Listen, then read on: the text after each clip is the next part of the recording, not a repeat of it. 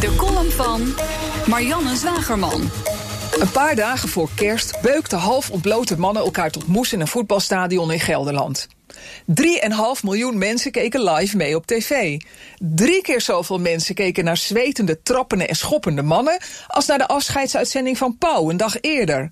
Wat zegt dat over ons, ons land, de tv-kijkers aan het einde van dit decennium?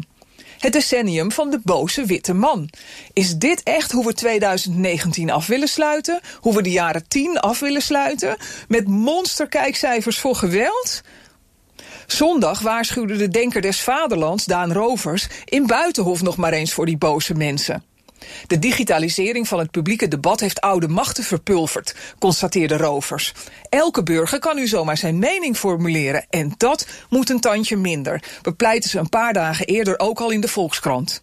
In dat pleidooi staat behoorlijk wat onzin. Bijvoorbeeld dat online polarisatie een verdienmodel is. Hoe haatdragender de opvatting, hoe meer economische waarde volgens de denker. Het tegendeel is waar. Vroeger vervloog je mening boven de koffiedamp in de kantine. Nu achtervolgt hij je jarenlang digitaal. Ik heb vrienden die serieuze schade opliepen aan hun business omdat hun digitaal geuite mening niet salonveeg bleek. De Denker des Vaderlands pleit voor het aan banden leggen van de sociale mediaplatformen, zodat mensen niet meer zomaar alles kunnen roeptoeteren. Mijn goede vriend Jan Benning vroeg zich op Twitter af met welke autoriteit Rovers bij Buitenhof zat. Wie benoemt de Denker des Vaderlands eigenlijk? Dat blijkt een stichting te zijn in het leven geroepen door Filosofie Magazine, waarvan Daan Rovers nog niet zo lang geleden de hoofdredacteur was. Dat is grappig, alsof de Marianne Zwagerman fanclub de stichting Radiocolumnist des Vaderlands opricht en mij dan benoemt. Wat me trouwens best een goed idee lijkt. Doe dan maar meteen levenslang. Nou kijkt er geen hond naar Buitenhof, maar honden maken geen beleid. Mensen die de Volkskrant lezen en Buitenhof kijken wel.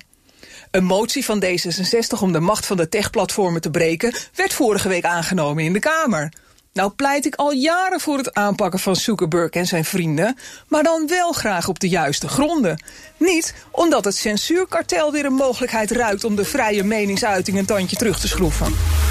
En dat zei Marianne Zwageman, onze columnist, op dinsdag. Nu kunt haar column en alle columns trouwens van andere columnisten ook terugluisteren in onze website bnr.nl op de BNR-app die u gratis kunt downloaden. En daar vindt u ook alle columns. Uh, sorry, ja, die vindt u ook, maar alle podcasts.